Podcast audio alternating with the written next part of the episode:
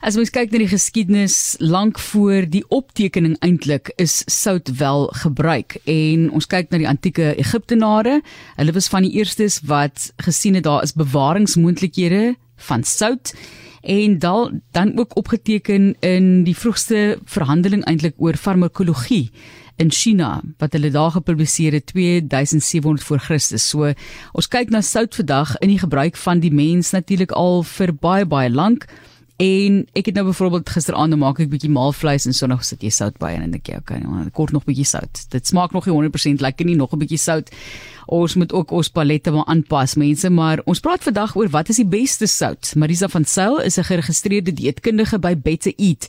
En ons kyk na pink see of soutpan sout, maar dit is 'n natuurlike produk. Marisa, verduidelik vir ons asseblief wat eet ons in en oor ons kos?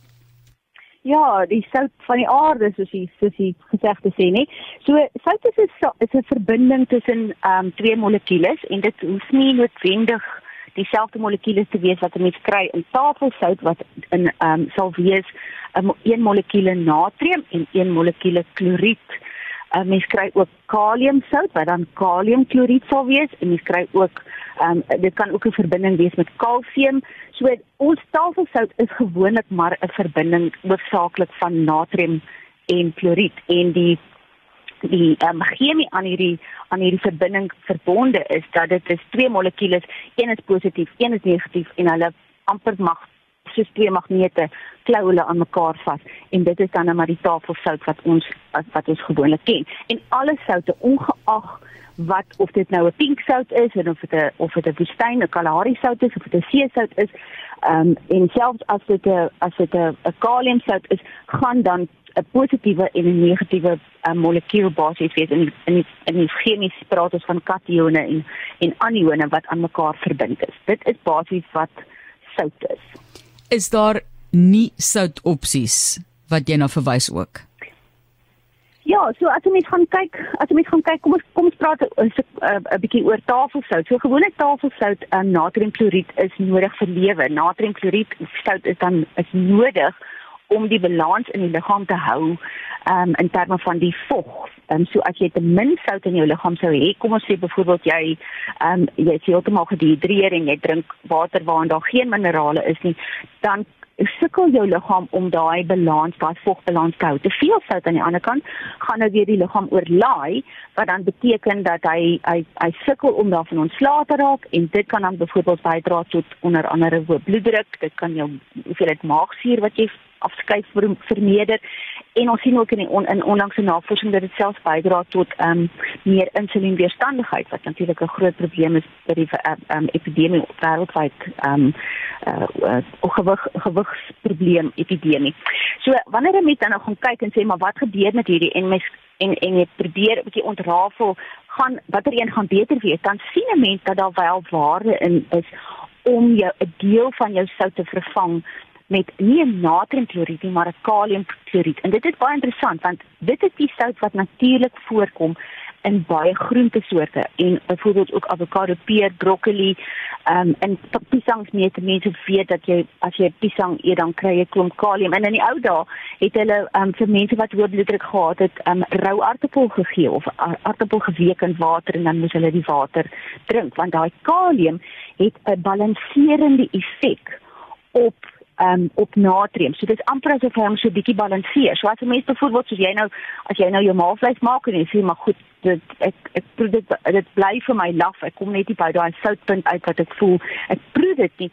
Dan kan 'n mens ver kom as jy meer goed bysit wat bietjie meer kalium in het. So as jy byvoorbeeld geraspte wortel bysit of jy sit 'n lekker groot bos petersilie by of jy um, sit baie kruie by, dan gaan jy meer van daai kaliumsout kry en dan gaan dit beteken dat jy 'n bietjie minder ehm um, van die natriumsout ehm um, gaan nodig hê of dan nou die gewone tafelsout. En mens kan dit ook koop ehm um, en baie keer as mense byvoorbeeld nie versaking het ehm um, dan sal uh, dit kan nog aanbeveel dat iemand ehm um, omskakel na kaliumsout. Mens net oppas soms ehm um, uh, is te veel daarvan ook kan dit ook skadelik wees. Dit is komplekse sake en daar's baie mense wat sê ja, sout is nie eintlik die sonnebok nie. So gee vir ons 'n idee, daar's verskillende tipe soutte op die rak. Seesout, soutpansout soos jy sê, mense verwys na Kalahari sout, Himalaya sout wat baie keer as pink sout bekend staan. Watter een is die beste vir ons?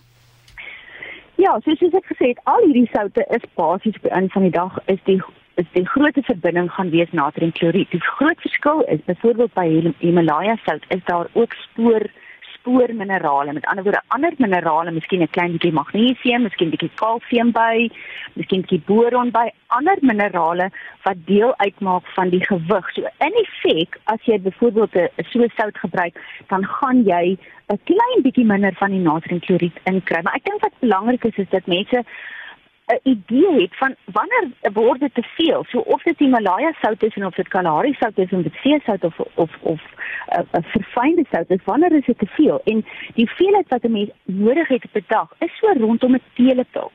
So jy kan baie gou uitwerk as jy 'n gereg maak en jy gooi 4 teelepels sout in, um, dan is dit eintlik elke persoon wat aan daai gereg eet, is daar 4 mense, is dit totaal hoeveel sout vir die dag.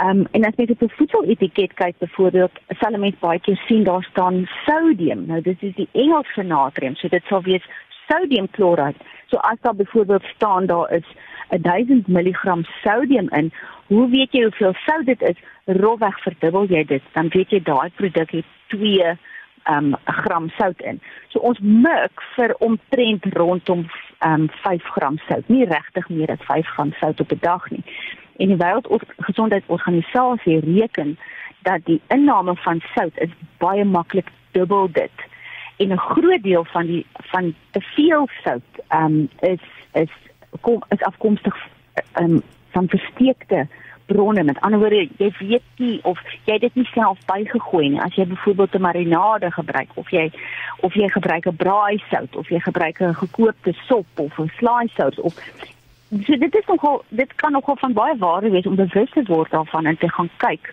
jy weet wat sê die verpakking hoeveel sout is daarin en net in jou kop 'n sommetjie te maak en te sê wel jy weet as dit bykom op wat hoeveel dit gaan op 'n teelepel uitkom vir my dag en so kan jy dit dan nou kan jy dit 'n bietjie kontroleer. Want want dit sout word in dieselfde asem op van gesondheidsvlak afgenoem as suiker. So die die witgoed wat ehm um, wat regtig baie skade kan doen aan ons liggaam